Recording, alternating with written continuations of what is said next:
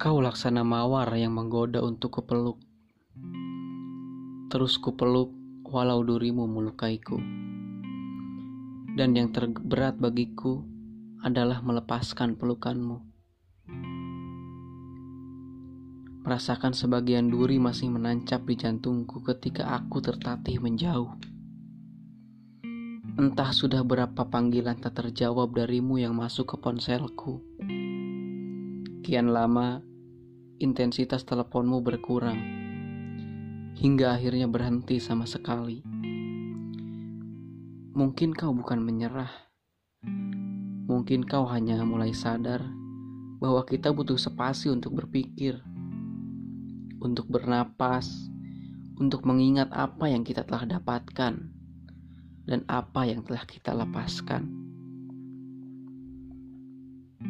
Tak ada gunanya memaksakan penjelasan atau memalsukan perasaan.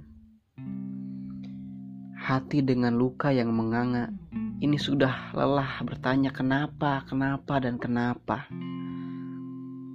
Karena jawabannya takkan pernah berubah. Kita tetap ada di posisi yang sama, yang bertahan dengan praduga dan rasa tidak percaya. Lantas, apa gunanya sebuah hubungan tanpa rasa percaya? Setelah dihianati, kita tidak mungkin bisa seperti dulu. Walau perasaan tak berubah, tapi peranan harus berubah. Cinta itu memperjuangkan memang. Namun kadangkala kita harus berhenti memaksakan. Lalu mulai menerima bahwa beberapa hal diciptakan untuk membeku dalam waktu bukan untuk terus mengalir bersama kau dan aku.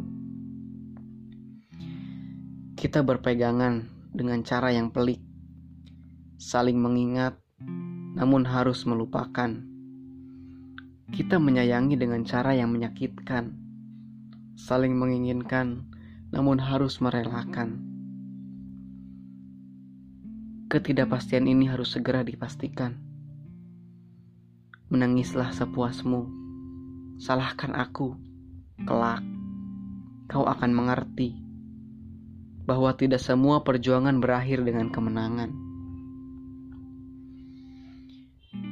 Beberapa orang berhenti menyapa bukan karena perasaannya telah berhenti, melainkan karena telah mencapai titik kesadaran untuk berhenti disakiti.